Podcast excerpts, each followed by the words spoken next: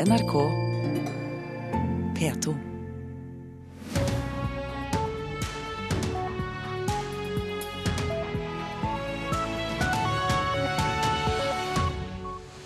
Velkommen til Nyhetsmorgen i studio, Øystein Heggen.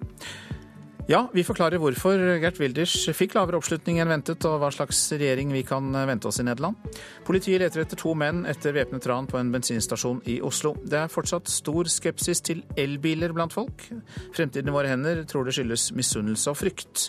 Og VG vurderer å åpne for politisk innholdsreklame, men partiene er skeptiske. Høyrepopulisten og leder av partiet PVV, Gert Wilders, erkjenner valgnederlag i Nederland. Velgerne har sluttet opp om sentrumspartiene. Nederland sa stopp til en feil type populisme, sier statsminister Mark Rutte. Ook een avond waarbij Nederland na brexit, na de Amerikaanse verkiezingen, ho heeft gezegd tegen het verkeerde soort populisme. Etter brexit og Trump stemte nederlenderne mot populisme, sa Mark Rutte på valgvaken i går kveld. Han og det høyreliberale partiet VVD blir størst og ligger an til å få 33 plasser. Gert Wilders parti på høyresida blir det nest største partiet, med 20 plasser. Like bak kommer Kristeligdemokratene og Demokratene med 19 plasser hver. Wilders har sjøl gratulert Rutte med sigeren i valget.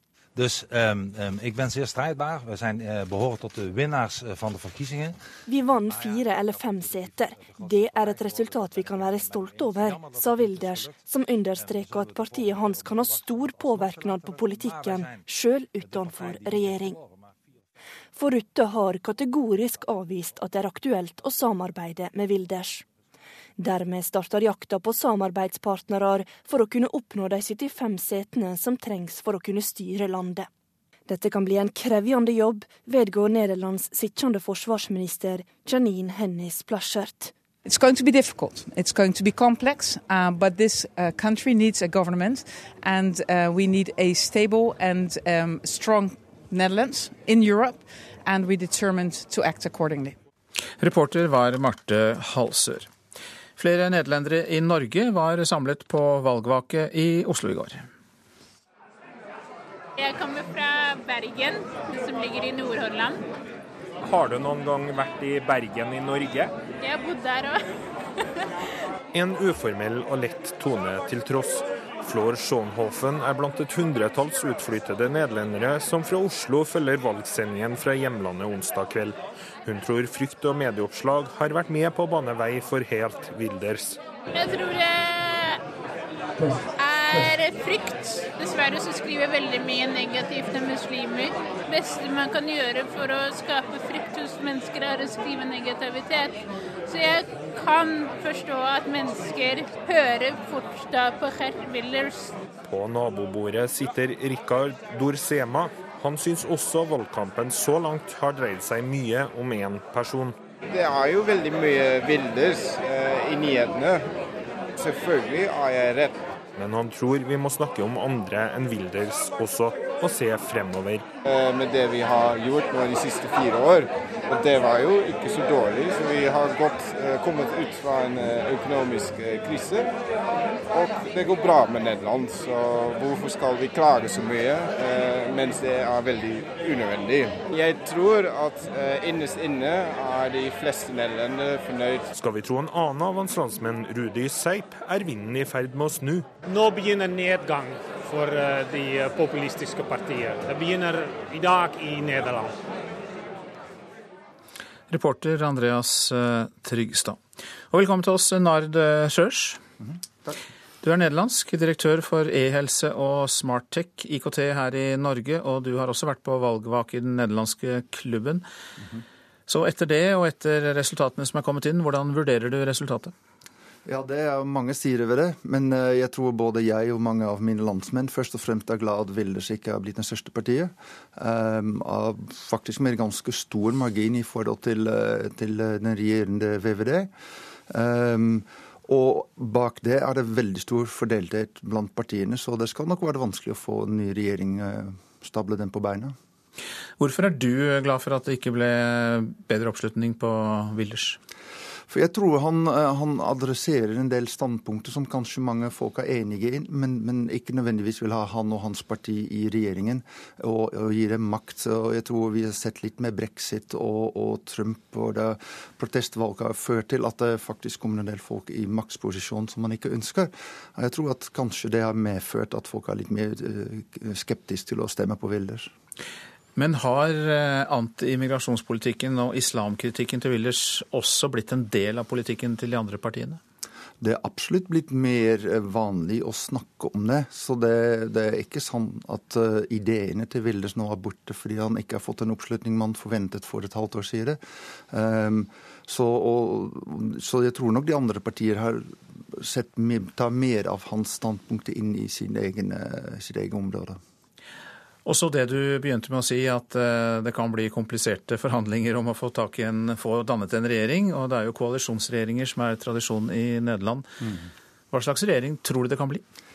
Det må man se. Ehm, det blir selvsagt Mark Røtte som fortsetter som statsminister, og hans eh, VVD vil være de som kan starte forhandlinger. Det som var interessant, at i natt eh, tikket hans parti fra 31 til 33 mandater, og det betyr at han sannsynligvis bare trenger tre partier til for å kunne regjere istedenfor fire. Det gjør det litt lettere for han å forhandle. Så hvis det resultatet som står nå i dag tidlig, står eh, som endelig resultat, er det en fordel for han. Hvis du skulle prøve å plassere mannen som sannsynligvis fortsetter som statsminister, Mark Rutte, innenfor norsk politikk, hvor vil han da havne?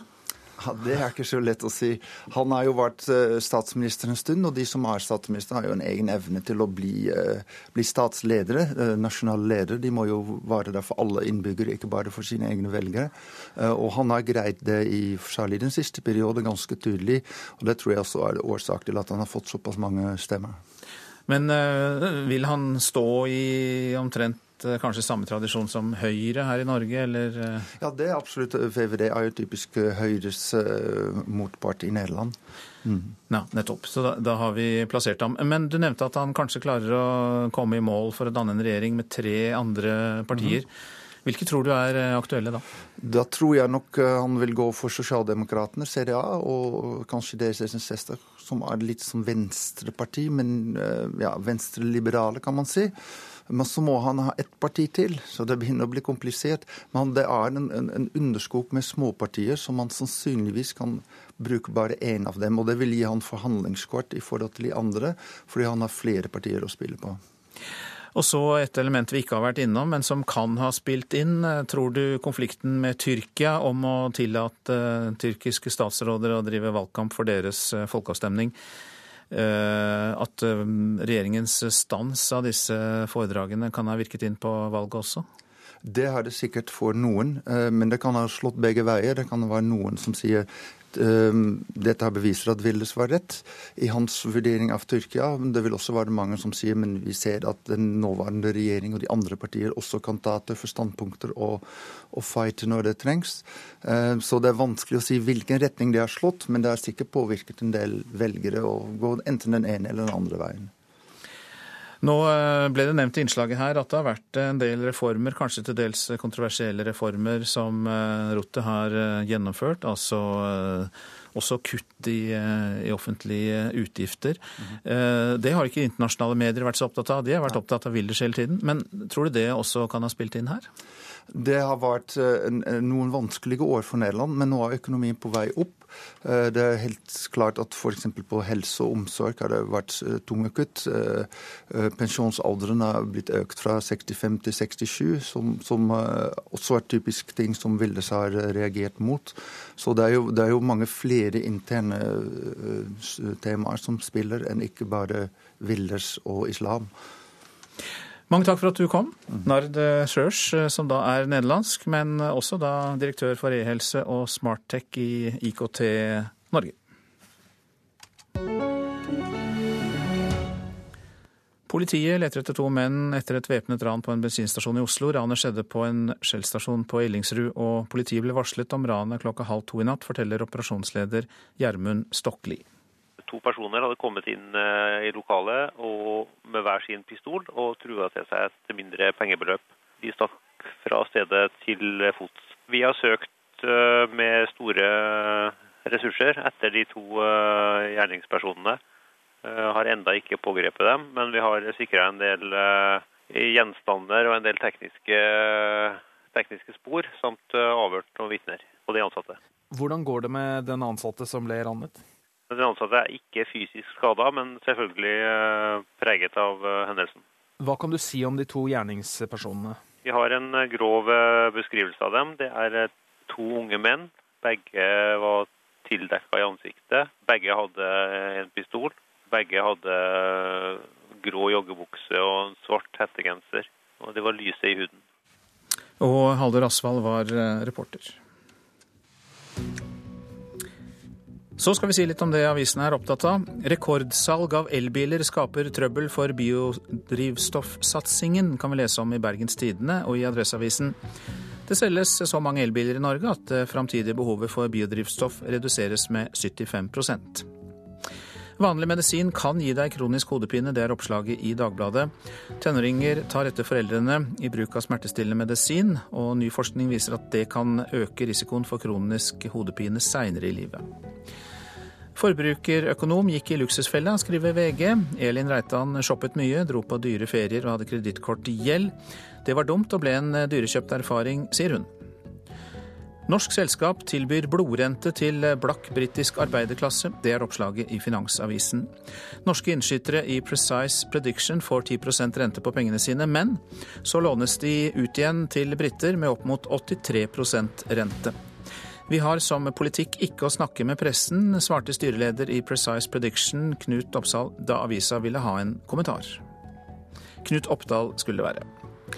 Har tjent millioner på aksjer i spillselskapet Funcom. Dagens Næringsliv skriver om 22-åring Andreas Hofstad, som har realisert en gevinst på 18 millioner kroner på sin aksjeinvestering, mens kameratene fortsatt lever på studielån. Landet som elsker EU er tema i Aftenposten. Mens nabolandet Storbritannia er på vei ut, er irrene urokkelige i sin tro på unionen. Når jeg reiser til Europa er jeg glad jeg kan si at jeg ikke er britisk, sier en av dem, Paddy Fox. Splittelsen går helt til topps i SV, er oppslaget i Klassekampen. Omskjæring av guttebarn deler partiet. Partisekretær Kari Elisabeth Kaski vil ha 18 års aldersgrense for omskjæring, men møter motstand fra partileder Audun Lysbakken og nestleder Snorre Valen. Erna Solberg skal på få måneder delta på fire ulike kristensamlinger, kan Vårt Land fortelle.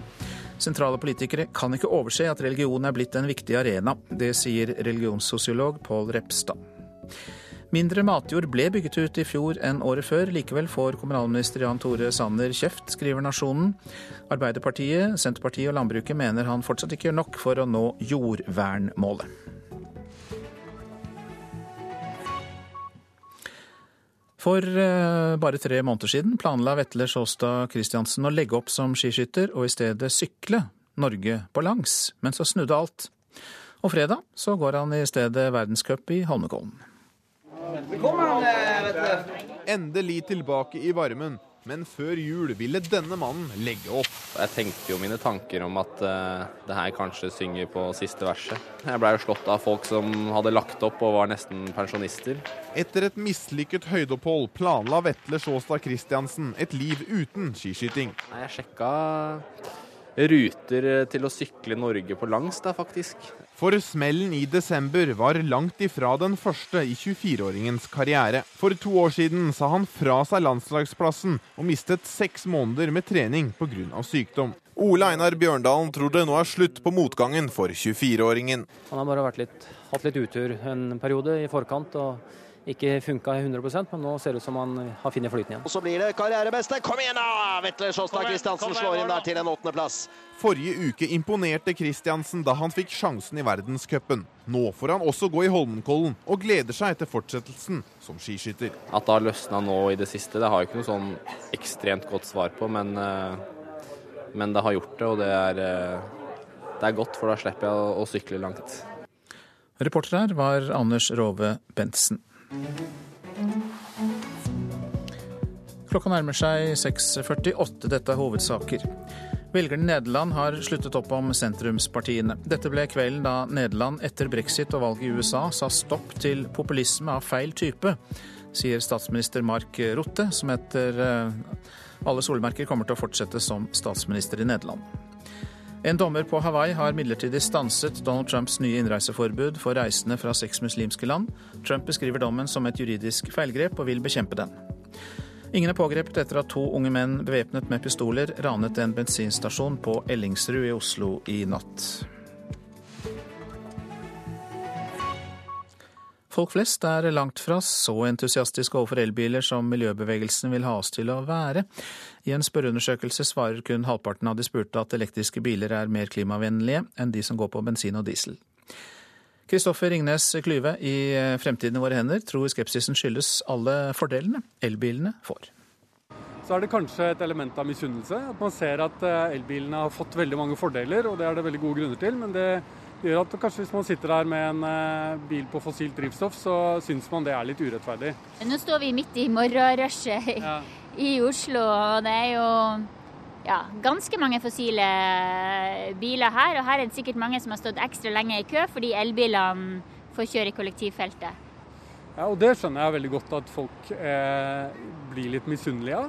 Eh, men sånn er det. at de for å få til en, en, samfunnsendring og en omstilling, så må man gi de miljøvennlige alternativene fordeler. Det sier Ringnes Klyve, som er konstituert leder i miljøorganisasjonen Framtiden i våre hender. De har bedt Infact om å spørre et representativt utvalg av nordmenn om hva de syns om elbiler. Nesten én av tre tror faktisk ikke at elbiler forurenser mindre enn bensin- og dieselbiler. 24 000 elbilmotstandere har samla seg i gruppe på Facebook for å gjøre sin skeptis ekstra tydelig. Her er noen av kommentarene. Elbilister er noen egoistiske, gjerrige idioter og snyltere der de kjører rundt i de oversubsidierte, ubrukelige radiobilene sine. Dessuten kjører alle sammen Tesla. De stjeler strøm, ødelegger for kollektivtrafikken og misbruker offentlige midler. De kan på mange måter sammenlignes med trygdemisbrukere. Dessuten forurenser elbiler like mye som andre biler, og spesielt når de tar fyr. Kristoffer Ringnes Klyve tror dessuten at mange ser på elbilfokuset som et angrep på frihetsfølelsen. At man får høre at ja, nå skal alle kjøre elbil, og det er, eh, er jo tross alt færre alternativer og færre valgmuligheter innenfor elbil fortsatt. Eh, og det syns kanskje folk er eh, vanskelig, da. Redaktør i Bilforlaget, Jon Winding Sørensen, syns ikke det er noe rart at såpass mange ikke tror at elbiler er klimavennlige. Men jeg tror også at hvis du hadde spurt folk om hva miljøvennlig betyr, så vil du få ganske mange sprikende svar. Så jeg, jeg syns hele spørsmålsstillingen er surrete. Det er altfor komplisert for folk å svare på sånt. Nå har biodiesel såkalt vært bra en stund. Så er det plutselig ikke bra fordi den bruker palmeolje så er det forskjell på god palmeolje og ikke god palmeolje. Det er klin umulig for stakkars folk å orientere seg i dette virvaret. Det er altså mange sterke følelser og meninger om elbiler. Og det er grunnen til at Fremtiden i våre hender nå har fått skuespiller William Hays, kjent fra Skam, til å prøve å knuse det de kaller myter om elbiler. En elbil koster miljøet litt mer å produsere enn en fossilbil, men etter ett år i bruk har elbilene spart inn ekstrautslippene. Nei. Reportere Linda Reinholdsen og Iselin eh, Fjell. VG vurderer å åpne for politisk innholdsreklame. Mediehuset har vært i kontakt med samtlige partier på Stortinget i sammenheng med at de vurderer å starte med det. Men eh, professor i journalistikk mener dette er problematisk, og flere av partiene er eh, skeptiske. Ja, vi har fått en sånn uh, henvendelse. Og hva har dere svart? Nei, det sier Rasmus Hansson i Miljøpartiet De Grønne. Fordi det undergraver pressens eh, frihet og uavhengighet. Det betyr at uh, de som kan betale, Eh, tar et langt skritt inn i redaksjonene. VG vurderer å starte med politisk innholdsreklame, og har vært i kontakt med alle partiene på Stortinget for å diskutere mulighetene for et samarbeid. Slik innholdsreklame kan være artikler som ligner på VGs redaksjonelle artikler, men som er sponsa eller støtta av en kommersiell samarbeidspartner. Det skal være merka tydelig at saken er sponsa innhold. Flere av partiene har avslått VGs tilbud, og sier at de ser flere utfordringer ved et slikt kommersielt samarbeid. Blant dem er Geir Jørgen Bekkevold i KrF. Som et politisk parti så er det utrolig viktig at vi ikke pakker budskapet vårt inn i noe som ligner på noe annet. Eh, vi lever av eh, velgernes tillit. Kari Elisabeth Kaski i SV sier at de er redd for at det her kan være med på å undergrave spillereglene for politisk debatt i samfunnet. Ehm, det vil gi partier som har mer penger, altså de største partiene, adgang da, til mer tilsynelatende eh, redaksjonell omtale. Det er jo ingen tvil om at uh, de forskjellige partiene allerede nå har begynt å bruke sosiale medier, og, uh, og kommer til å gjøre det i veldig stor grad frem mot uh, valget. Så de er jo interessert i å utrede hva slags reklame de kan ta i bruk, åpenbart. Sier Svein Arne Håvik, som er innholdssjef i VGs partnerstudio. Enhver reklame må merkes svært tydelig, uh, uansett når det dreier seg om uh, innholdsmarkedsføring. Men, men VG er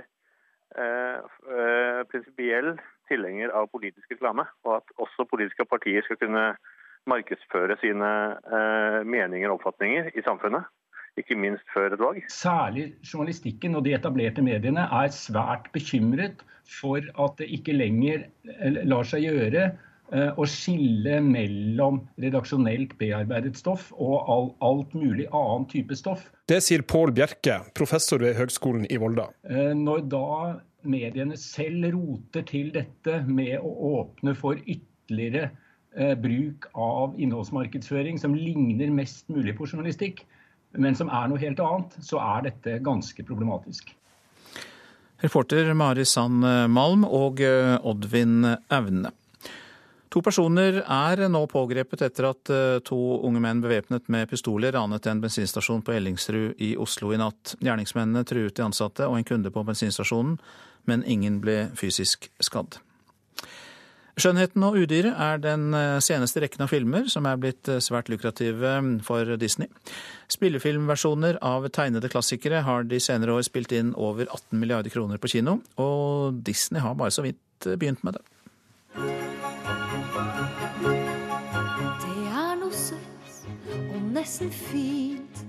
Det begynner å bli lenge siden publikum første gang fikk se den tegnede skjønnheten Bell finne tonen med det forheksede udyret utenfor et snødekket slott med vintersultne småfugler kvitrende rundt seg. Nå er han snill, jeg undrer på om jeg var blind som ikke skjønte det før nå. Og det husker jeg etter 25 år. Merete Trøan er ikke bare tidligere Melodi Grand Prix-vinner. Hun var også stemmen til Bell i den norske versjonen. Det må jeg si, jeg har litt kjærlighetsforhold altså, til den filmen. Senest på lørdag så traff jeg jo folk i ei trapp på Oslo Plaza, som da kom på det at å herlighet, er ikke du hun Trøan som var skjønnheten i 'Skjønnheten og udyret'? Så det er tydelig at det ikke bare er den oppvoksende slekt som har et sterkt forhold til filmen, men det er mange generasjoner.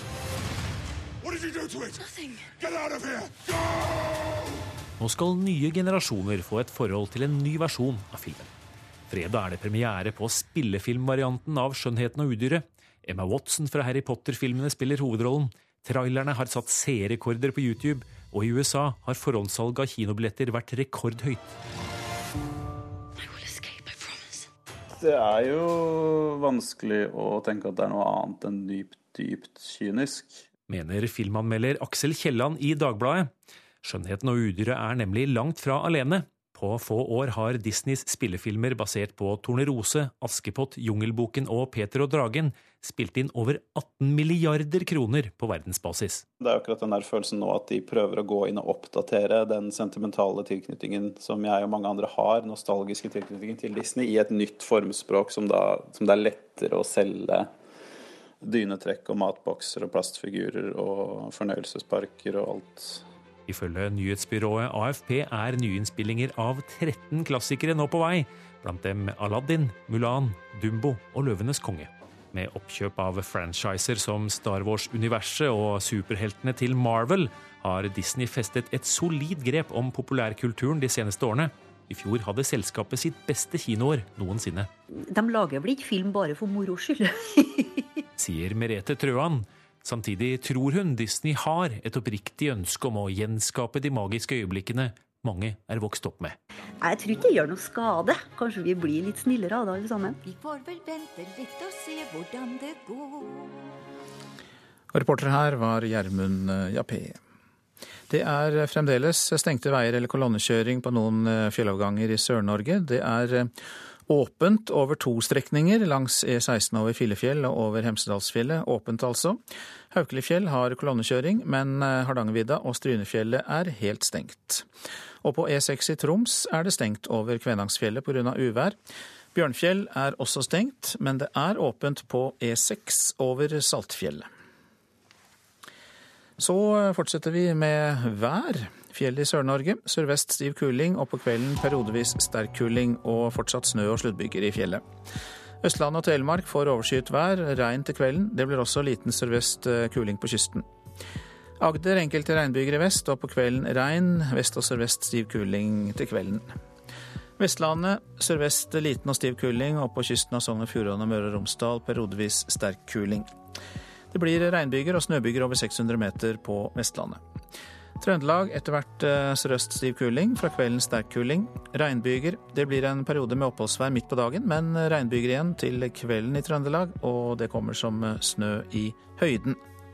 Nord-Norge regn og eh, regnbyger, fra ettermiddagen sørlig stiv kuling. Troms og Finnmark vestlig liten til stiv kuling. Først på dagen kan det også bli perioder med liten storm i Finnmark, sludd og snøbyger. Spitsbergen nordøstlig stiv kuling utsatte steder. Periodevis liten storm i nord. Snø, og fra kvelden mindre nedbør i sør. Temperaturer klokka fire. Svalbard lufthavn minus 11. Kirkenes minus 2, også plussgrader. Vardø 1. Alta 3. Tromsø og Bodø 2. Brønnøysund 3. Trondheim 1. Molde 3. Bergen-Flesland 4. Stavanger og Kristiansand 5. Gardermoen minus 1. Lillehammer minus 3. Røros minus 5. Og Oslo-Blindern minus 1.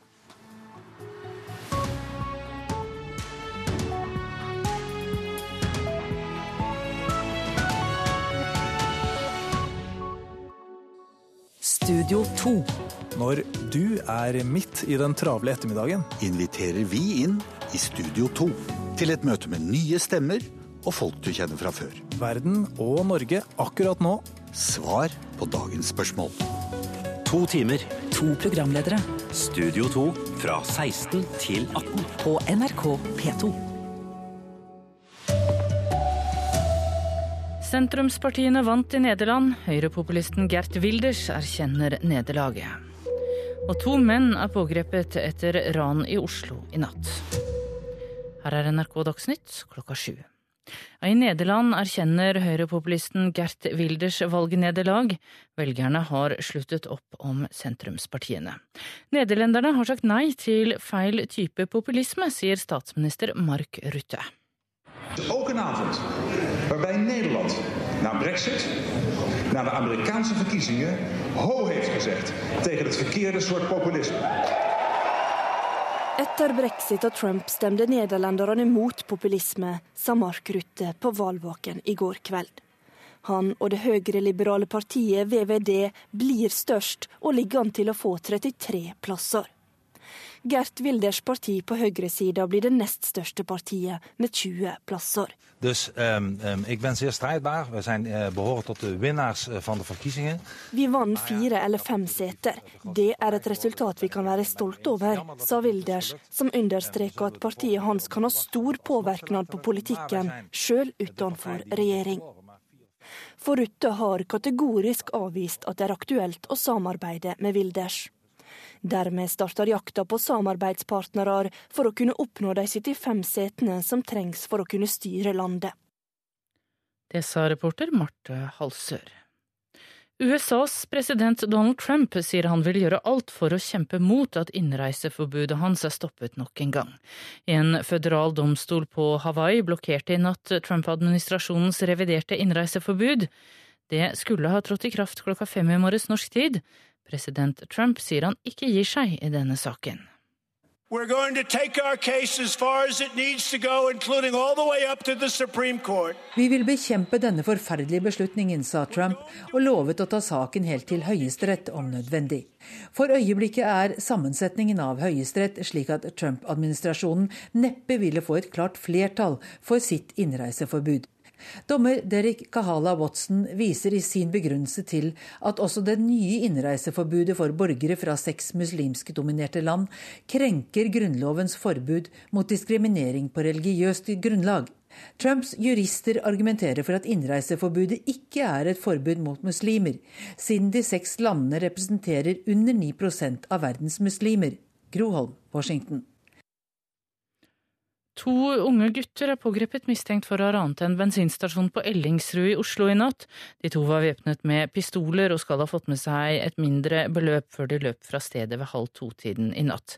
Helikopter og store politistyrker ble satt inn. NRK Dagsnytt, Tone Nordahl.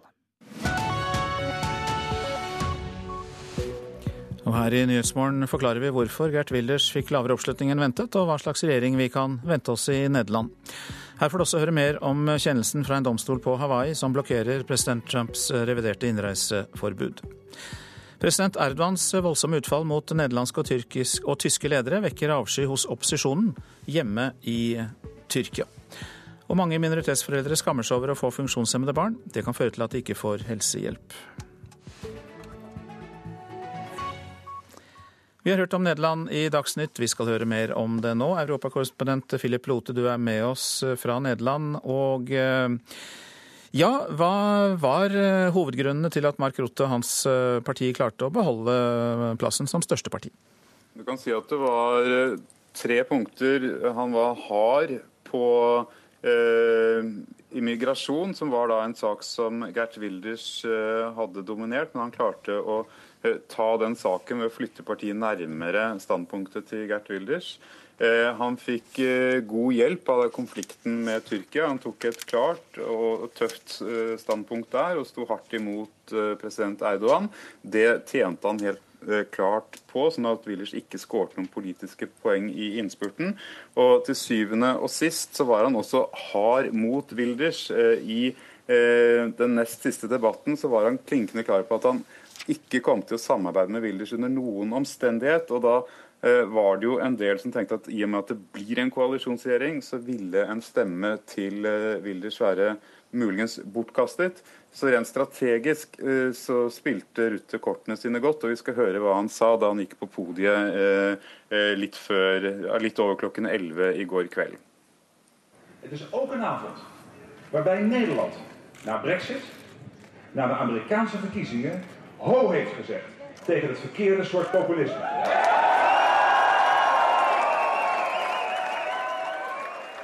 Ja, Her snakker han jo om det vi har eh, nevnt eh, tidligere i dag, at eh, etter brexit og seieren til Trump, så har det nederlandske folket sagt nei til en feil type populisme. Lote, du blir med oss videre, men vi har også besøk av Ketil Raknes. Velkommen til deg. Doktorgradsstipendiat ved Høgskolen i Kristiania og har fulgt valget i eh, Nederland. Eh, likevel, på tross av det Philip Lote sier, så sier jo Gert Wilders at han er ganske fornøyd. Har han grunn til det, eller er det bare noe han sier nå? Eh, Valgkamp handler alltid om hva du måler utgangspunktet i forhold til. Wilders gjør det bedre enn han gjorde i 2012.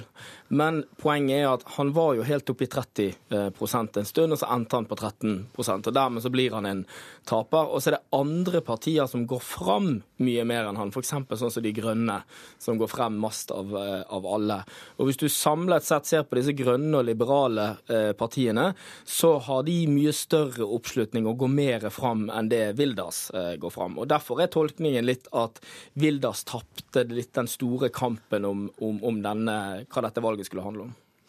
Philip Lote, nå starter arbeidet med å danne ny regjering i Nederland, og det er ikke gjort på en dag?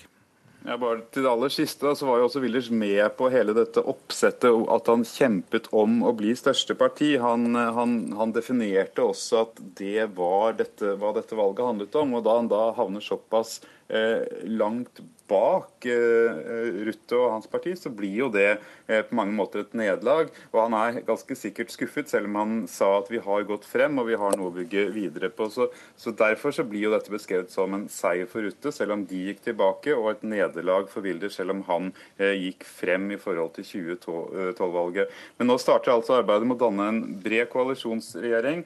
Det var Wilders endte til slutt som tredje største parti med 19 mandater. Kristendemokratene fikk 20. Eh, og også det intellektuelle partiet Demokrati 66, D66, eh, er sannsynlig samarbeidspartnere for Rutte sammen med CDA. Eh, de fikk begge 20. Og så er spørsmålet om de må ha med ett siste parti for å få flertall. Og da er spørsmålet om de kommer til å gå hele veien til motsatt side og prøve å danne en bred koalisjon med den andre store valgvinneren, Grun Links, Grønne Venstre. Og vi skal høre hva Eh, Nederlands forsvarsminister sa til NRK i går kveld om eh, samarbeid og forhandlinger fremover. All of us will have to compromise. I'm not saying that we will end up at the very same table with GroenLinks or Green Left, whatever you would like to uh, to call it. Uh, we will at the end uh, decide up on a compromise with a number of parties, and I have no idea if GroenLinks is going to be part of it.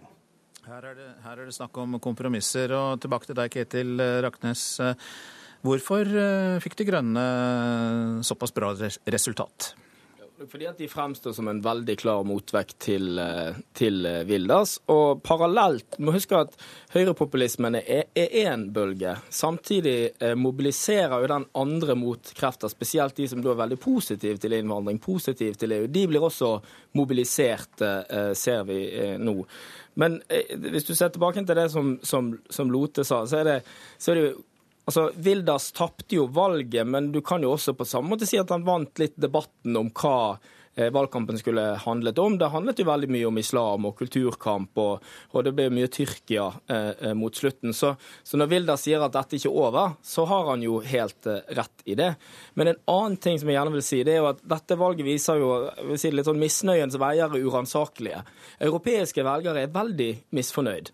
Så de etablerte partiene i Nederland gjør et historisk dårlig valg. Hvis du ser på kristendemokratene og de liberale og sosialdemokratene som på 80-tallet gjerne hadde 80% av stemmene, så er de nå nede på rundt 40% Og de partiene som vokser, er typisk nye eh, partier, nye partidannelser. Så Poenget mitt er bare at det at folk er misfornøyd, gjør ikke at de nødvendigvis må bli høyrepopulister. De kan også stemme på Dyrenes parti, eller på Pensjonistpartiet, eller det nye innvandrerpartiet. Så du kan si at nederlenderne ja, ga misfornøyde velgere en bred meny av eh, alternativer.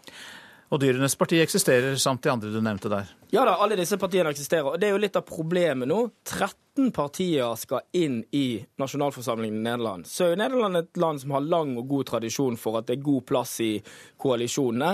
Men det er klart at den fragmenteringen vi ser her, skaper også problemer for et land som når de tradisjonelle styringspartiene gjør det såpass dårlig. Philip eh, Lote, har antiimmigrasjonspolitikken og islamkritikken til Wilders eh, blitt en del av politikken til mange andre partier? Ja, absolutt. Eh, og Mark Rutte han eh, hadde jo som slagord i denne valgkampen eh, 'normale doet', som jeg da, hvis jeg forstår det riktig, er liksom gjør det normale. Og det var med klar adresse til innvandrerbefolkningen i Nederland, selv om han sa at det var til alle nederlendere, om at vi må stå sammen og slutte opp om våre verdier. Så var det en beskjed til velgerne om at han ønsket eh, et, eh, et samfunn hvor alle tok del, sluttet opp om nederlandske verdier.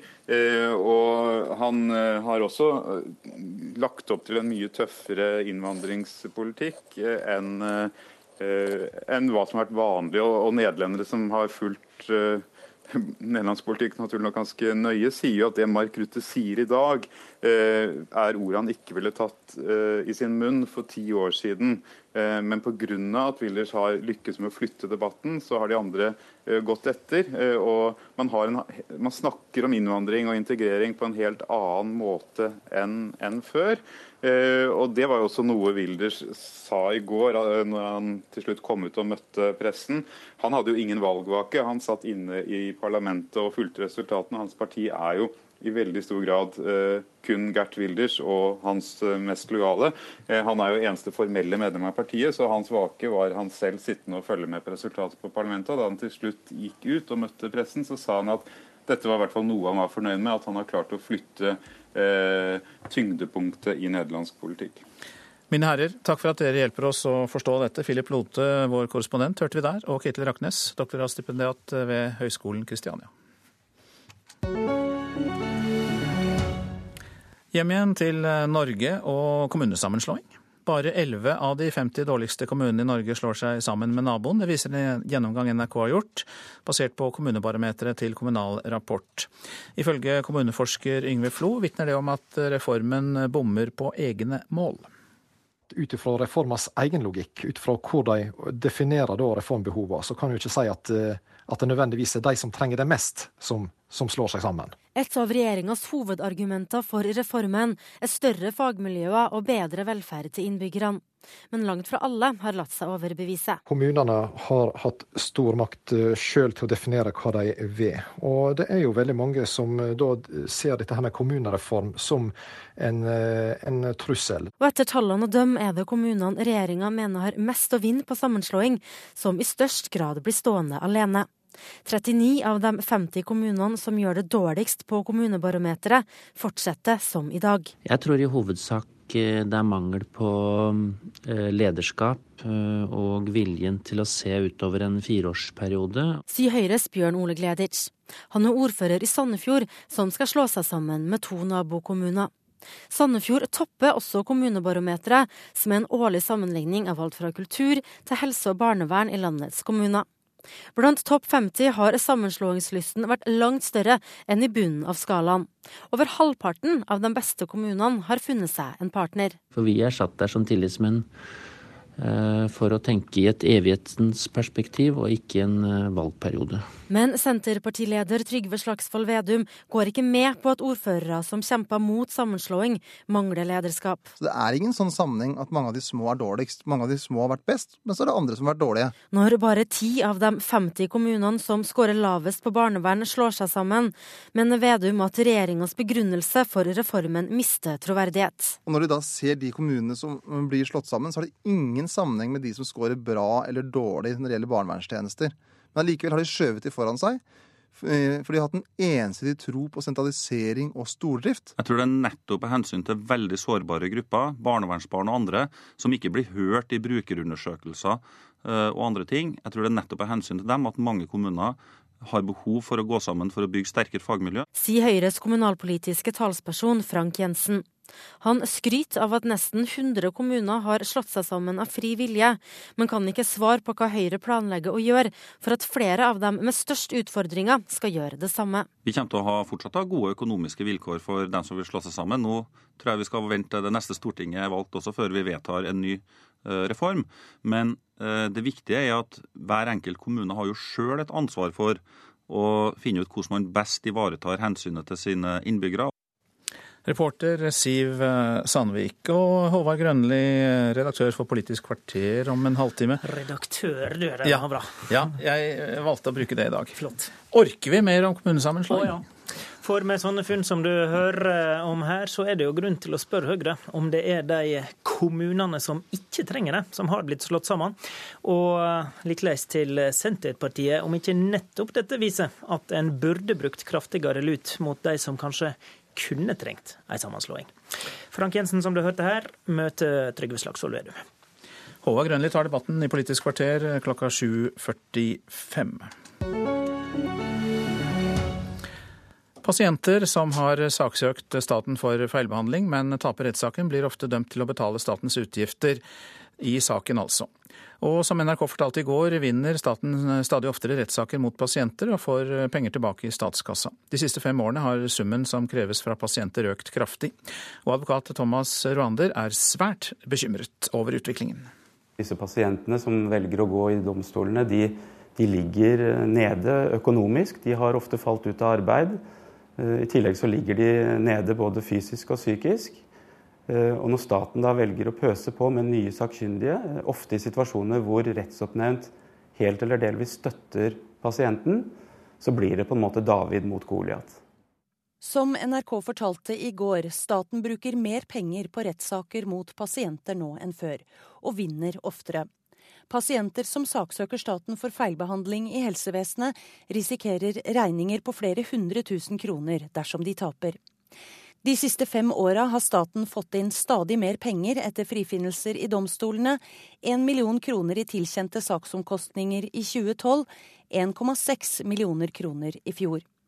Rwander mener sakene mot pasienter blir for omfattende, at staten kaller inn for mange vitner og eksperter. Når man kommer over i, i domstolprosessen, så mener jeg at eh, Pasientskadenemnda i større grad bør akseptere den rettsoppnevnte sakkyndiges vurderinger eh, når man er enig om hvem som skal være rettsoppnevnt og mandat på forhånd. Pasientnemnda som fører sakene for staten i retten, avviser at de går hardere ut mot pasienter nå enn før.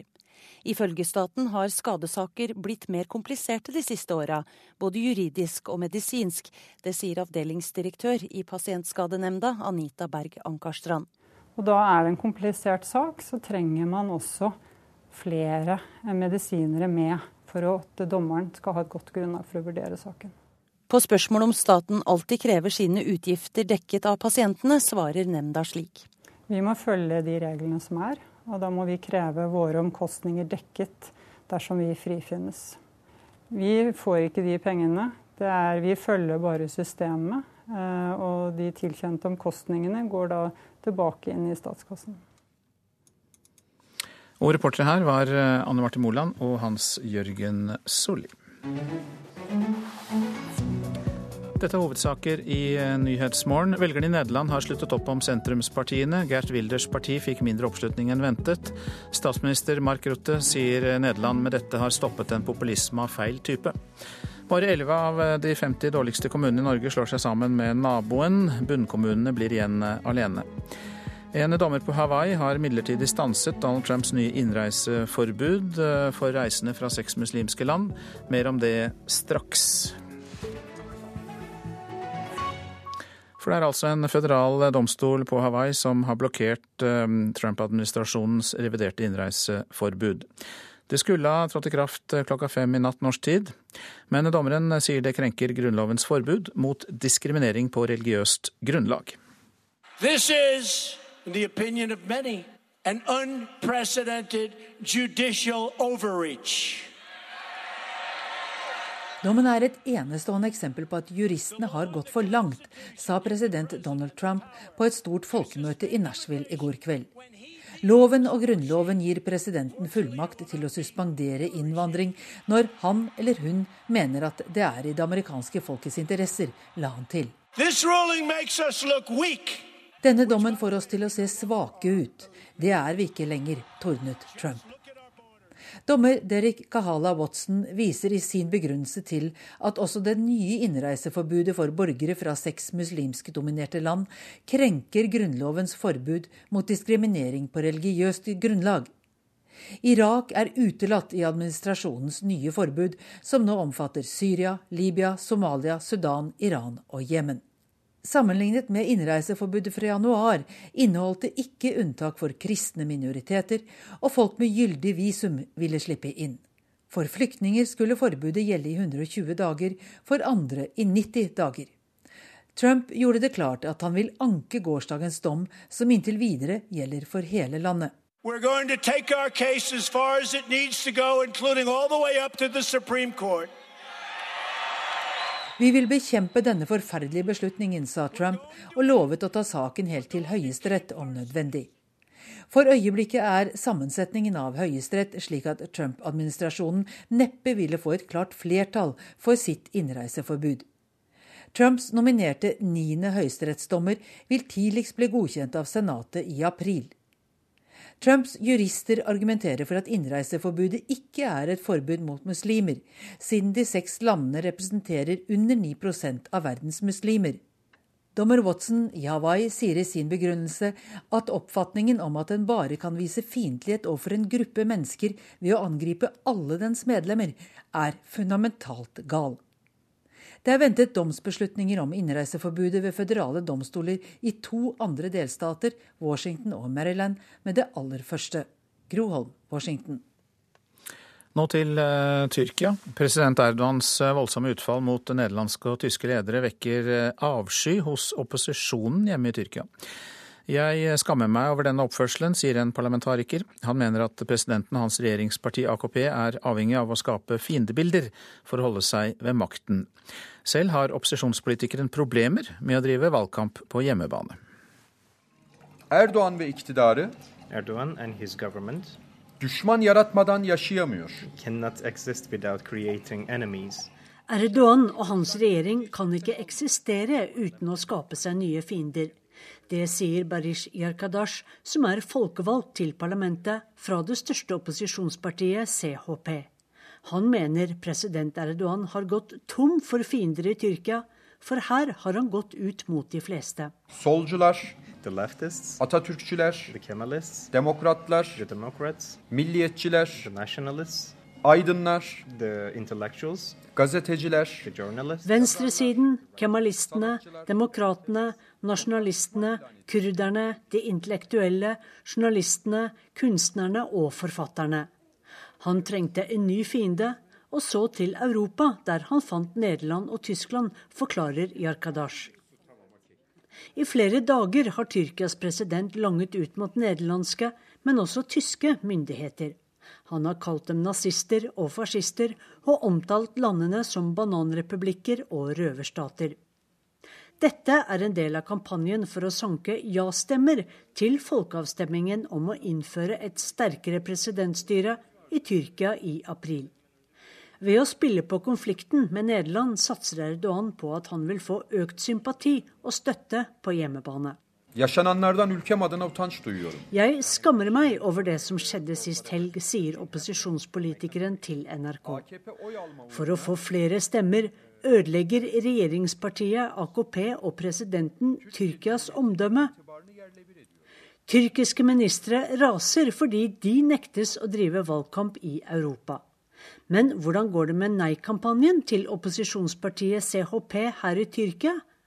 For Yarkadash driver valgkamp. Evet ve hayır kampanyasında Staten jobber for ja-kampanjen til regjeringen. Bare ja-stemmen ble hørt, siden 80% av mediene kontrolleres av regjeringspartiet AKP. Nei-siden kommer i langt mindre grad til orde, sier han. Yarkadash forteller at AKP-styrte bydeler i Istanbul nekter nei-kampanjens valgkampbil adgang til byens torg for å holde møter. Og atmosfæren er ikke god. terörist olmakla itham ediyor. Regjeringen har erklært oss på nei-siden som terrorister. Den ene dagen er vi IS, neste dag er vi PKK-terrorister, og dagen etter det beskyldes vi for å være gulenister, sukker Barish Yarkadash. Det blir en tung valgkamp, tror han. Og det var eh, korrespondent Sissel Wold som rapporterte fra Istanbul. Litt om det avisen er opptatt av. Rekordsalg av elbiler skaper trøbbel for biodrivstoffsatsingen, kan vi lese om i Bergens Tidende og Adresseavisen. Det selges så mange elbiler i Norge at det framtidige behovet for biodrivstoff reduseres med 75% Vanlig medisin kan gi deg kronisk hodepine, er oppslaget i Dagbladet. Tenåringer tar etter foreldrenes bruk av smertestillende medisin, men en ny forskning viser at det kan øke risikoen for kronisk hodepine seinere. Forbrukerøkonom gikk i luksusfella, det skriver VG. Elin Reitan shoppet mye, dro på dyre ferier og hadde kredittkortgjeld. Det var dumt, så ble en dyrekjøpt erfaring, sier hun til avisa. Norsk selskap tilbyr blodrente til blakk britisk arbeiderklasse. Det er oppslaget i Finansavisen.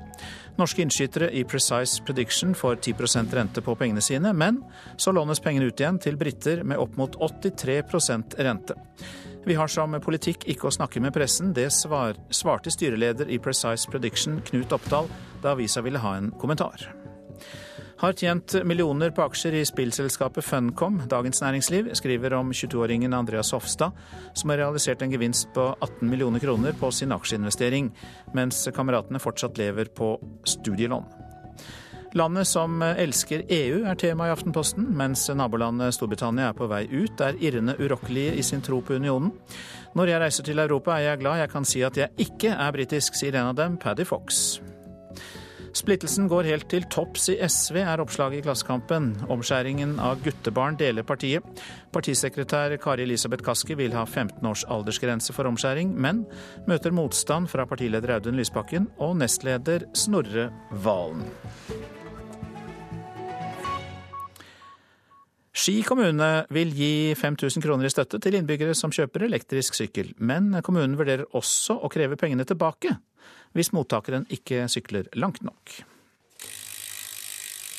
De er krankmotoriserte. Og har veldig god, veldig, veldig god rekkevidde. Sportsbutikkinnehaveren viser fram en av toppmodellene i hans butikk. Prispunktet under. 31 700 kroner står det på prislappen. En avskrekkende sum for mange, men nå kan innbyggerne i Ski få sponset en ganske stor del av utgiften. Og det vil bety mye for salget, sier Robert Kai i sportsbutikken Yr i Ski sentrum. Det vil nok helt, eh, helt klart. Se jo det så snart det er eh, noen rabatter på elsykler, så blir jo markedet bare tømt med en gang. Så det, jeg tror nok det vil, eh, det vil nok hjelpe mye. Forhåpningen er å liksom kunne redusere på bilbruken og eh, dermed også redusere på de miljøproblemer som oppstår med, med bruk av bil.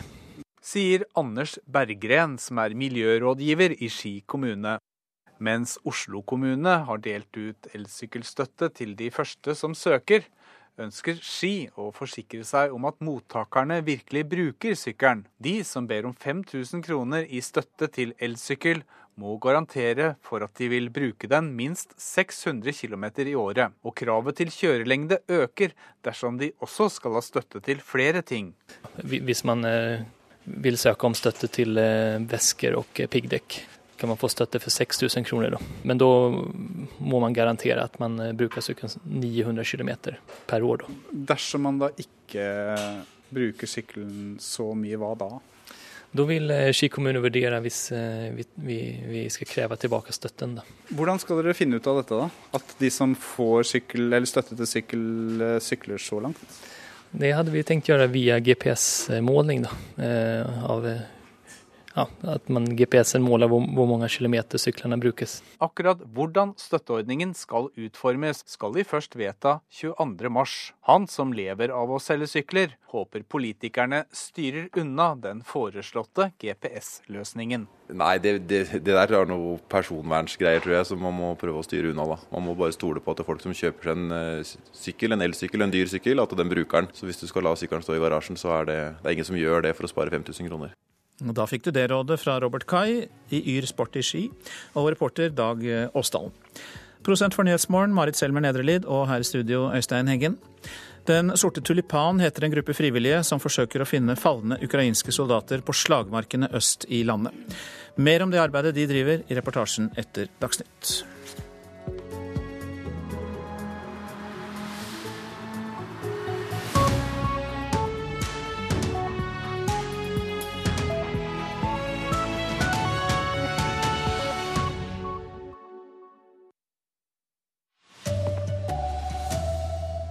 Sentrumspartiene vant i Nederland. Høyrepopulisten Gert Wilders erkjenner nederlaget. De dårligste kommunene velger å stå alene, mens kommunene som gjør det bra, vil slå seg sammen.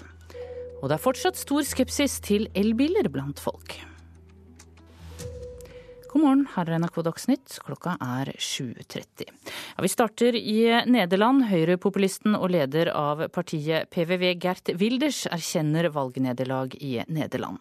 Velgerne har sluttet opp om sentrumspartiene. Nederland sa stopp til feil type populisme, sier statsminister Mark Rutte. Ook een avond waarbij Nederland na brexit, na de Amerikaanse verkiezingen, ho heeft gezegd tegen het verkeerde soort populisme. Dette er kvelden der Nederland stemte mot populisme, sa Mark Rutte til jubel fra tilhengerne sine. Selv om partiet mister om lag en fjerdedel av sine seter i parlamentet, fikk de mer enn 20 av stemmene, og ble dermed langt større enn partiet til Gert Wilders. I natt gratulerte Wilders Rytte som vinner, men sa også at han likte dårlig utsagnet om feil type populisme. er goede en slechte populisten zijn. Ik zie mijzelf niet als populist, maar hij suggereert een beetje daarmee dat slechte populisten halve nazi's zijn of zo. Dus ik kan dat niet zo goed. Jeg forstår ikke hva han mener. Jeg ser ikke på meg sjøl som en populist. Rutte prøver å få meg til å framstå som en nazist, sa Wilders. Samtidig understreker han at partiet hans har gjort det godt og vunnet flere mandat siden forrige valg. Han sa også at han er åpen for å være en del av en koalisjonsregjering. Dette trass i at alle de andre store partiene har sagt at de ikke ønsker å samarbeide med Wilders. Nederlands sittende forsvarsminister Janine Hennis Plaschert er fra samme parti som Rutte. Hun sier at de ennå ikke har bestemt seg for hvem de skal samarbeide med. We have to decide um, uh, with um, uh, etc., etc. It will take a few days though before we come through with. Reporter her var Marte Halser. Ketil Raknes, doktorgradsstipendiat ved Høgskolen Kristiania. Du følger valget i Nederland. Wilders fikk altså ikke den oppslutningen han håpet på. Hvorfor? Eh, du kan si at Wilders tapte uh, valget, uh, veldig mye fordi at han sjøl før valget sa at han hadde et ønske om å bli største uh, parti. Var helt oppe i 30% på meningsmålingene, endte på rundt 13% Rutte var smart. Og på en måte så vant jo Vildas kampen om hva valgkampen skal handle om. For det Rutte gjorde, var at mens Vildas nektet å stille debatter og stort sett var aktiv på Twitter, så tok jo Rutte mange av sakene til Vildas og gjorde de til sine egne. Ja, Så har han da allikevel fått påvirket politikken i Nederland i noen grad? Ja, i veldig eh, stor grad. Hvis du så på debatten i valgkampen nå Rutte sendte jo et brev til alle i Nederland som var i store annonser i avisene, hvor han sa at det viktige i Nederland var å oppføre seg normalt, og de som ikke klarer å oppføre seg normalt, de bør finne seg et annet sted eh, å bo. Så en annen ting er at Trump er neppe en fordel for europeiske høyrepopulister, for han er et utstillingsvindu for inkompetanse. Eh, og uansett om du tilhører venstre- eller høyresiden, høyresiden i europeisk politikk, så er nok de fleste europeere der nå at Trump er neppe noe de eh, ønsker noe av i Europa. Valget i eh, Nederland har fått bred dekning fordi det kan si oss noe om hvilken retning Europa er eh, på vei. Hva får dette å, å si for Europa, tror du? Jeg tror at vi skal se på hvert valg uh, for seg. Mm. Uh, dette er et flerpartisystem som ligner på det norske. Her er ikke populismen så farlig, fordi at nederlandske velgere som er misfornøyd, har veldig mye å velge mellom. Det var 13 partier som stilte til valg. og Det vi ser, er at misnøyens veier er uransakelig. Altså, de etablerte partiene i Nederland gjorde egentlig et katastrofalt dårlig valg, men mange valgte heller å stemme på innvandrerparti, dyrepartier eller miljøpartier istedenfor et høyrepopulistisk parti. Takk, Ketil Ramm. Raknes. Vi skal hjem igjen. Over halvparten av landets 50 beste kommuner slår seg sammen. I den andre enden av skalaen blir det store flertallet stående alene. Det viser en gjennomgang NRK har gjort basert på kommunebarometeret til Kommunal Rapport. Kommuneforsker Yngve Flo mener det vitner om at reformen bommer på egne mål ut ifra reformas egen logikk, ut fra hvor de definerer reformbehovene, så kan du ikke si at, eh, at, det nødvendigvis er de som trenger det mest, som, som slår seg sammen. Et av regjeringas hovedargumenter for reformen er større fagmiljøer og bedre velferd til innbyggerne. Men langt fra alle har latt seg overbevise. Kommunene har hatt stor makt eh, sjøl til å definere hva de vil. Og det er jo veldig mange som eh, da ser dette her med kommunereform som en, eh, en trussel. Og etter tallene å dømme er det kommunene regjeringa mener har mest å vinne på sammenslåing, som i størst grad blir stående alene. 39 av de 50 kommunene som gjør det dårligst på kommunebarometeret, fortsetter som i dag. Det de her tallene viser, er at uh, selv om vi har kommet veldig langt, så er det fortsatt sånn at vi har behov for å bygge flere sterke kommuner. Derfor har vi behov for fortsatt kommunereform. Sier Frank Jensen i Høyre. Jeg tror det er nettopp av hensyn til veldig sårbare grupper, barnevernsbarn og andre, at mange kommuner har behov for å gå sammen for å bygge sterkere fagmiljø. Her skyver Høyre sårbare grupper foran seg, hevder Senterpartileder Trygve Slagsvold Vedum. Og Når du da ser de kommunene som blir slått sammen, så har det ingen sammenheng med de som scorer bra eller dårlig når det gjelder barnevernstjenester. Men allikevel har de skjøvet de foran seg, for de har hatt en ensidig tro på sentralisering og stordrift. Og det er det som det er resultatet av reformen, ikke noe bedring av tjenester verken for barnevernsbarn eller sykehjem eh, eller på skolen. Reporter her Siv Sandvik. Pasienter som saksøker staten for feilbehandling, men taper rettssaken, blir ofte dømt til å betale statens utgifter. I saken de siste fem årene er summen som kreves fra pasienter gått fra 1 million kroner i 2012 til 1,6 millioner i 2016, viser tall NRK har hentet inn. Advokat Thomas Roander er svært bekymret over utviklingen. Disse pasientene som velger å gå i domstolene, de, de, ligger nede økonomisk. De har ofte falt ut av arbeid. Eh, I tillegg så ligger de nede både fysisk og psykisk. Eh, og når staten da velger å pøse på med nye sakkyndige, eh, ofte i situasjoner hvor rettsoppnevnt helt eller delvis støtter pasienten, så blir det på en måte David mot Goliat. Når man kommer over i, i domstolprosessen, så mener jeg at eh, Pasientskadenemnda i større grad bør eh, akseptere den rettsoppnevnte sakkyndiges vurderinger når man er enige om hvem som skal være rettsoppnevnt og mandat på forhånd. Men skadesaker har blitt mer kompliserte de siste årene, både juridisk og medisinsk. Det sier avdelingsdirektør i Pasientskadenemnda Anita Berg Ankarstrand. Hun avviser at de går hardere ut mot pasientene nå enn tidligere. Og da er det en komplisert sak, så trenger man også flere medisinere med for at dommeren skal ha et godt grunnlag for å vurdere saken. På spørsmål om staten alltid krever sine utgifter dekket av pasientene, svarer nemnda slik.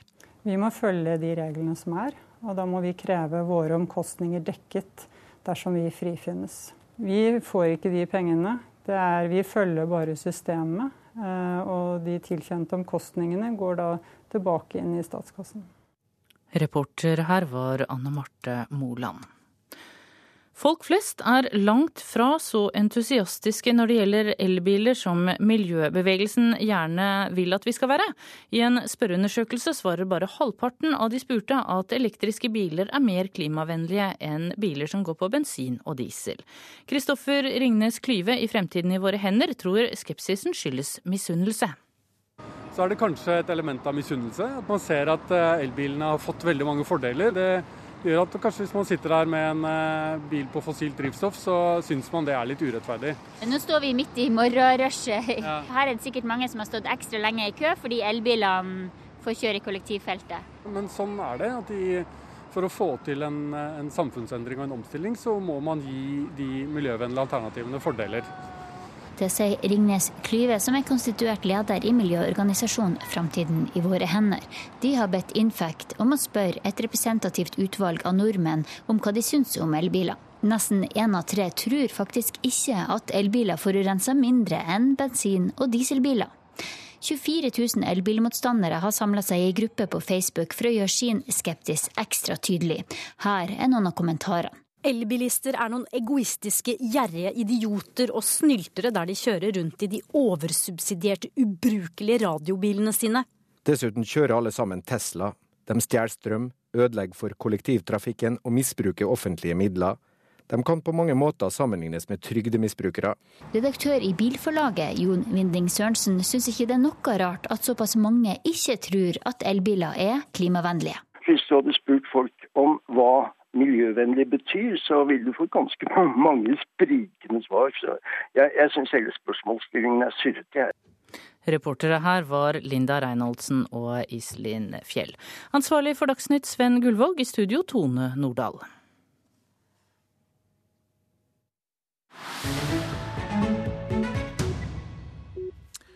I Nyhetsmorgen vender vi blikket mot Ukraina. Flere hundre soldater har blitt eh, borte. Ingen vet eh, om de er levende eller døde. En gruppe frivillige ved navn Den sorte tulipan forsøker nå å finne falne ukrainske soldater på slagmarkene øst i landet. Denne reportasjen er laget av Morten Jentoft.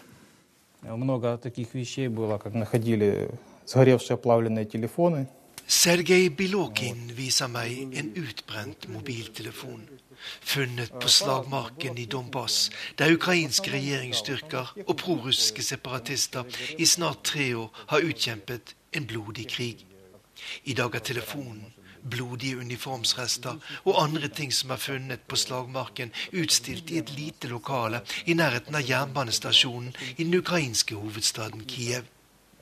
Sammen med andre frivillige fra organisasjonen Den sorte tulipan var Sergej blant de første som dro østover for å forsøke å finne de mange hundrede ukrainske soldatene som i august 2014 ble liggende igjen på slagmarken etter et av de blodigste slagene i Europa etter annen verdenskrig. I midten av august 2014 trodde de fleste at de ukrainske regjeringsstyrkene ville klare å knekke opprøret til de prorussiske separatistene. Men så dukket navnet Ilovaisk opp i nyhetsbildet. Denne stasjonsbyen sørøst for millionbyen Danetsk skulle bli et vendepunkt i konflikten. Dette er lyden fra de harde kampene rundt Ilovaisk, der det ble klart for de ukrainske soldatene at de ikke bare slåss mot egne separatister, men mot godt utrustede og overlegne regulære russiske styrker. Selv om det ble forhandlet fram en avtale slik at de ukrainske styrkene skulle kunne trekke seg ut av Ilovaisk og tilbake vestover, så ble de under tilbaketrekningen angrepet, og hundrevis av soldater ble liggende igjen døde på slagmarken. Ukraina hadde fått sitt Stalingrad, og alle forsto at konflikten øst i landet kom til å vare lenge.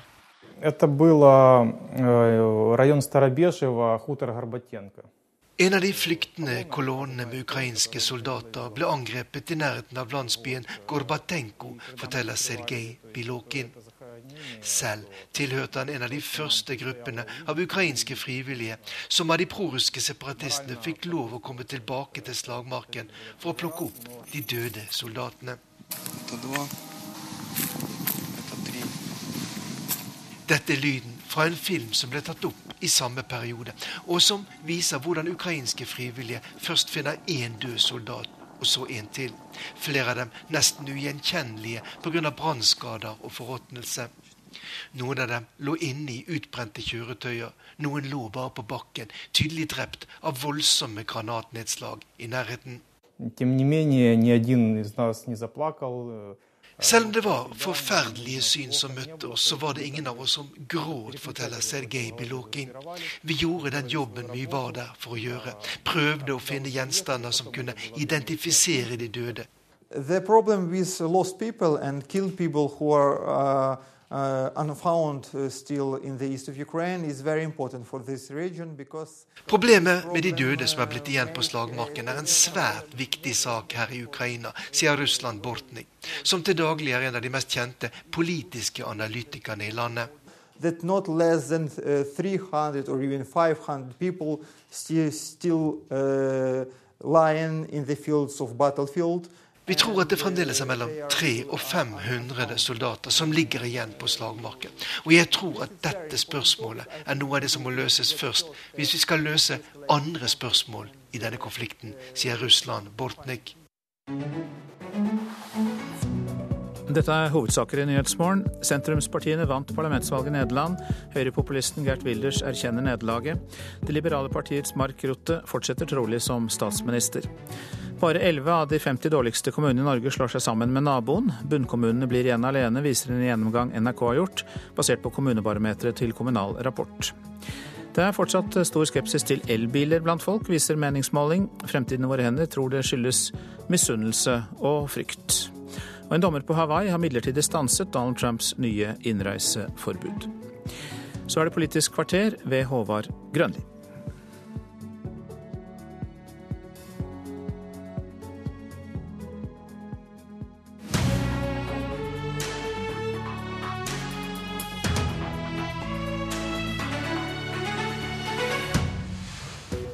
Er det de kommunene som ikke trenger det, som er blitt slått sammen? Mens de som kanskje hadde trengt det, får holde fram alene? Vi spør både Høyre og Senterpartiet. Og vi skal til Nederland også i Politisk kvarter. Tok vi feil om Wilders? Overdreiv vi frykta? Det er altså i stor grad de beste kommunene som slår seg sammen. NRK har sett på sammenslåinger opp mot kommunebarometeret som Kommunal Rapport lager. Barometeret er en statistisk sammenlikning av kommunene som tar for seg alle de ulike tjenesteområdene. Gjennomgangen viser da at eh, dryge halvparten av landets 50 beste kommuner har slått seg sammen eh, nå, eller skal gjøre det. I den andre enden av skalaen blir det store flertallet stående alene. 39 av de 50 dårligste holder fram som før. Og ett tall til før vi tar debatten.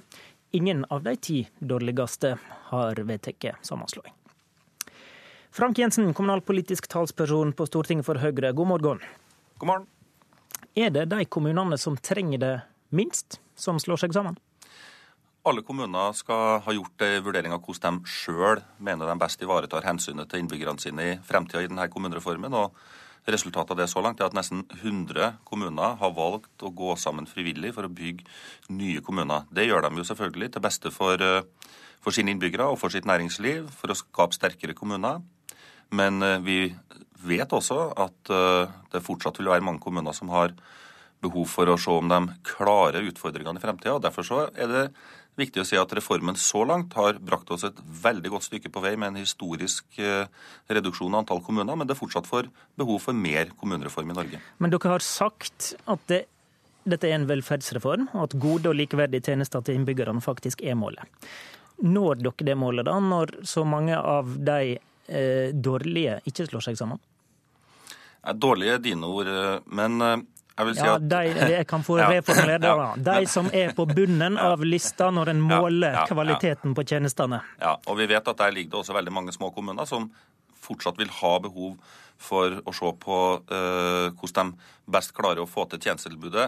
Vi vet at mange kommuner har f.eks. bare én eller to barnevernsmedarbeidere. Det kan være verdens beste medarbeidere i seg sjøl, men det er ikke noe tvil om at miljøet er sårbart. Mm. Hvis den ene medarbeideren slutter, blir syk, har ferie, Tilsvarende er det på en måte på plan- og byggesakskontoret. Hvis den ene medarbeideren blir borte, så er det klart at det sårer jo viktige deler av kommunens arbeid stopper opp for viktige grupper. Eh, så Derfor så er det behov for eh, fortsatt kommunereform i Norge. Vi har kommet veldig langt eh, på vei, med nesten 100 kommuner som sagt som frivillig går sammen. Og vi får en historisk reduksjon i kommunetallet. men det er sånn at eh, Vi ser at det er stor variasjon fortsatt, og det kommer til å være behov for at flere kommuner gjør den jobben. Nemlig. Så da er jo spørsmålet, Kunne dere gjort noe annerledes for i større grad å få til disse sammenslåingene med de som kanskje trenger det mest? da?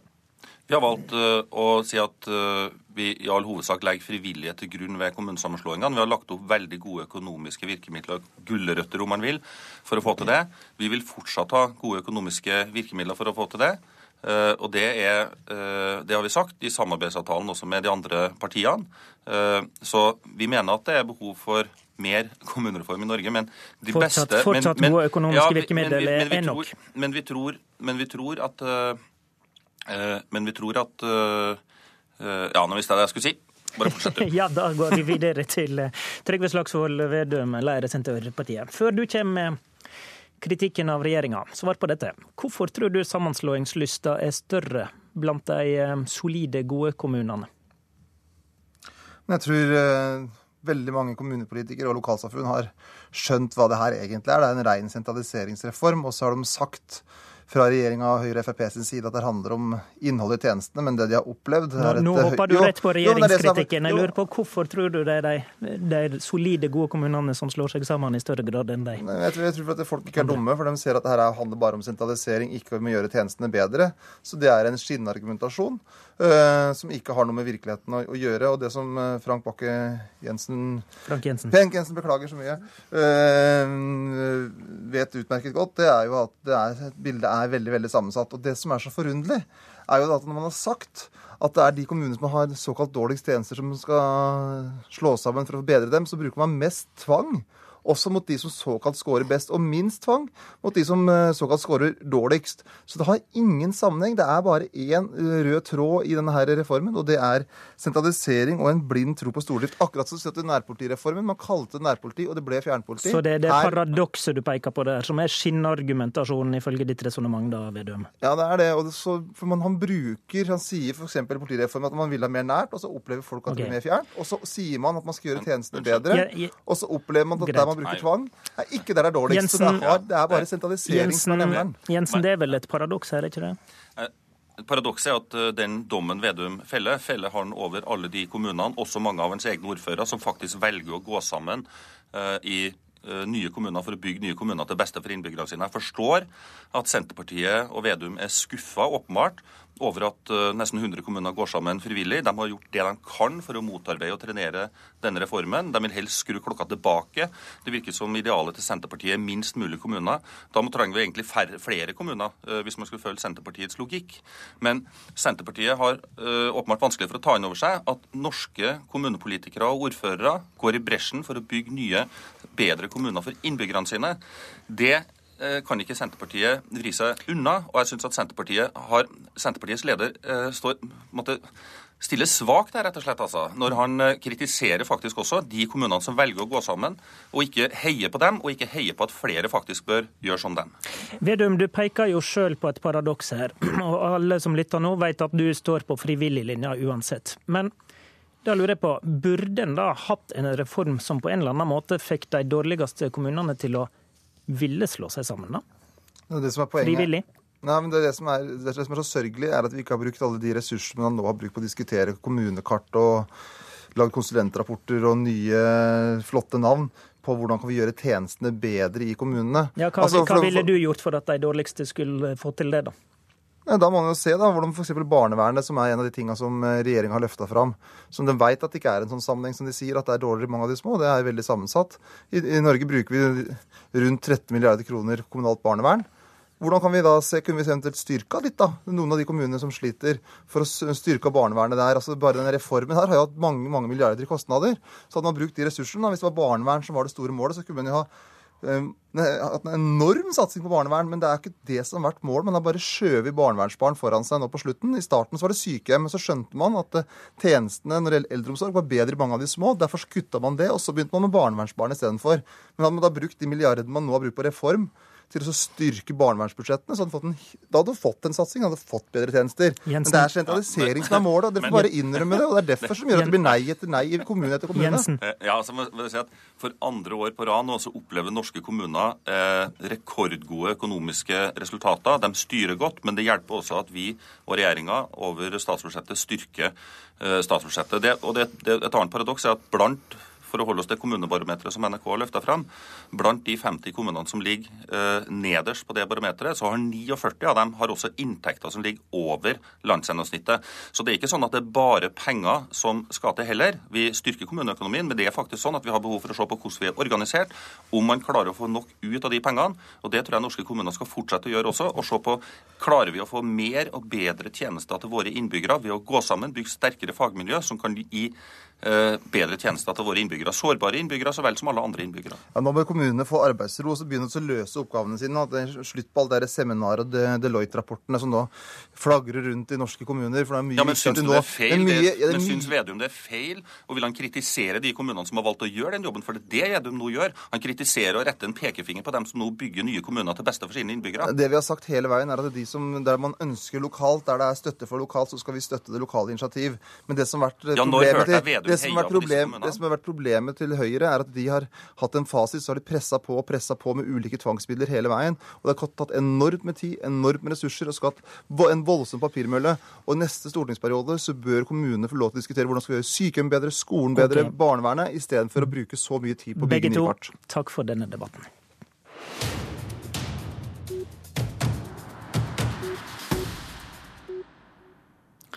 Så ble det ingen høyrepopulistisk sigersmarsj. Det var de liberale, de grønne, de EU-vennlige partiene som satt igjen som vinnerne etter det nederlandske valget, som jo ble sett på som den første store populismetesten i Europa i 2017. Så hva skal vi lese ut av det? Vi vender oss til Den Haag i Nederland, der du er Tord Hustveit, leder i Unge Venstre. God morgen. God morgen. Du har vært med på valgkamp, og på fest i natt, får vi tro, hos Venstres liberale søsterparti D66, som blir fjerde største parti. Og sammen med De grønne så er dere den store vinneren, og blir regna som sannsynlig regjeringspartner til den konservative, liberale statsministeren Mark Rutte. Du har nok seiersbrillene på, da, men hva er din analyse av resultatet? For det første så er det et veldig fragmentert politisk eh, landskap. Eh, men det er noen ting som eh, er tydelig. Det ene er at Sosialdemokratene eh, gjorde et veldig dårlig valg. Eh, Wilders gjorde et dårligere valg enn forventa. Og De grønne, Venstres søsterparti D66, det liberale partiet, og Kristendemokratene gjorde veldig gode valg. Og til en viss grad bedre valg enn forventa. Og så er det verdt å merke seg Noe som ikke har kommet fram i norsk media, er jo at klimapartiene eh, D66 og De grønne har dobla oppslutningen fra 12 til 33 mandater. Eh, så det har vært eh, egentlig en ganske progressiv valgseier eh, her i Nederland. Eh, og det er jo først og fremst da sosialdemokratene som taper. Er det en motreaksjon mot Wilders? Eh, Jeg opplever det litt sånn når vi har drevet eh, valgkamp her, at både de vi har snakka med fra eh, vårt søsterparti, eh, og også en del andre partier har følt at de driver valgkamp for noe større, at det er noe som står på spill som ikke har eh, stått på spill før. Men samtidig har det også vært en veldig optimisme. og Det, det overraska meg litt når jeg kom ned fra Norge etter å ha fulgt valgkampen fra Norge. Eh, og Du kunne få inntrykk av at det her var et stort valg hvor Wilders kom til å gjøre det eh, veldig bra. Og Så kom vi til Nederland, og, og vårt liberale søsterparti, eh, og for så vidt også regjeringspartiet, det, regjeringspartiet de to partiene og, og, andre partier, er, veldig optimistiske. De sier at eh, vi ser ingen, ingen måte Wilders kan komme i regjering på. Eh, partiet er lite, og det er andre partier som kommer til å gå mer frem. Var frykta overdriven da, tror du? På et tidspunkt tidligere i år var det nok riktig at Wilders kunne blitt så stor at det hadde vært vanskelig, eller det hadde vært vanskeligere å danne regjering eh, uten. Eh, men de siste ukene har den falt kraftig på målingene. Det har vært veldig tydelig at andre partier eh, går fram. Så jeg tror det jo til en viss grad her har vært at media og andre har lagd seg en, et narrativ, og så har de eh, fulgt det hele veien inn. Eh, F.eks. Wilders går jo litt fram, det, det er riktig. men det grønne partiet jo, vokser dobbelt så mye som eh, Wilders, og øker oppslutningen med fire ganger. Så man kan like gjerne si at eh, det i Nederland nå har vært en grønn revolusjon, som har vært noe populistrevolusjon. Er det et ja til Europa, dette valget, etter ditt syn? Jeg tror nederlandske velgere har stemt på veldig mange ulike eh, ting, og det ser man jo på antall partier i parlamentet. Men det er verdt å merke seg at både de liberale statsministerpartiet, eh, det sosialliberale partiet som vi har drevet valgkamp for, Kristendemokratene og De Grønne, er blant valgvinnerne, og alle de er ganske tydelige ja-partier. Vi skal um, høre litt hva utenriksminister Børge Brende sier til NRK om uh, resultatet. Nederlenderne har avvist uh, Wilders antieuropeiske og populistiske politikk, og det er bra. Han fikk 13% og det er et valgresultat som er dårlig for Wilders, men bra for Europa og europeisk eh, samarbeid. Trygve Slagsvold Vedum, Senterpartileder, du er fortsatt eh, med oss. Da du var med i Politisk kvarter morgenen etter brexit-avstemninga, så var du jublende glad over et folkelig britisk krav om å gå ut av EU. Så har en venta på de viktige valgene i Nederland og Frankrike, som har blitt sett på som viktige for EUs framtid. Syns du det er dumt at ikke anti-EU-synspunkter vant fram? Jeg syns det har vært en veldig sånn, feil framstilling av at brexit og Wilders er to sider av samme sak. For jeg syns den valgkampen vi har sett i Nederland, har vært skremmende. Eh, for der har man uh, hatt et konfliktnivå som er enormt høyt. Uh, der man har satt befolkningsgrupper mot hverandre. Man har sett opptøyer i gatene. Det er ikke bra, det som har skjedd i nederlandsk politikk de siste ukene, og det som vi ser også i tyrkisk politikk. Det var en helt annen debatt i brexit, for da handla det om hvem som skulle styre Storbritannia. Og da ønska det britiske folk at det britiske parlamentarikere skulle styre det, og det er en helt legitim sak. Men det som har skjedd i, i Nederland, der man har satt befolkningsgrupper opp mot hverandre i stor stil, det er skremmende. Og det er et jordskjelv, det som har skjedd. Det må vi huske. Fordi at f.eks. da Sosialdemokratene har gått fra 38 seter til 9 seter. Så det her er eh, Jeg bare håper Så du ser dette som brennende? Bra for Europa og europeisk samarbeid? Nei, jeg ser ikke det her 14, siste 14 dagene som bra i det hele tatt. For at eh, vi må bare håpe at det ikke blir for mange sånne valgkamper framover der befolkningsgrupper setter opp mot hverandre, og det er om å gjøre hardest mulig. Vi må få okay. dempa temperaturen, ikke økt den. Takk til deg, Vedum. I studio i dag, Håvard Grønli. Hør flere podkaster på nrk.no podkast.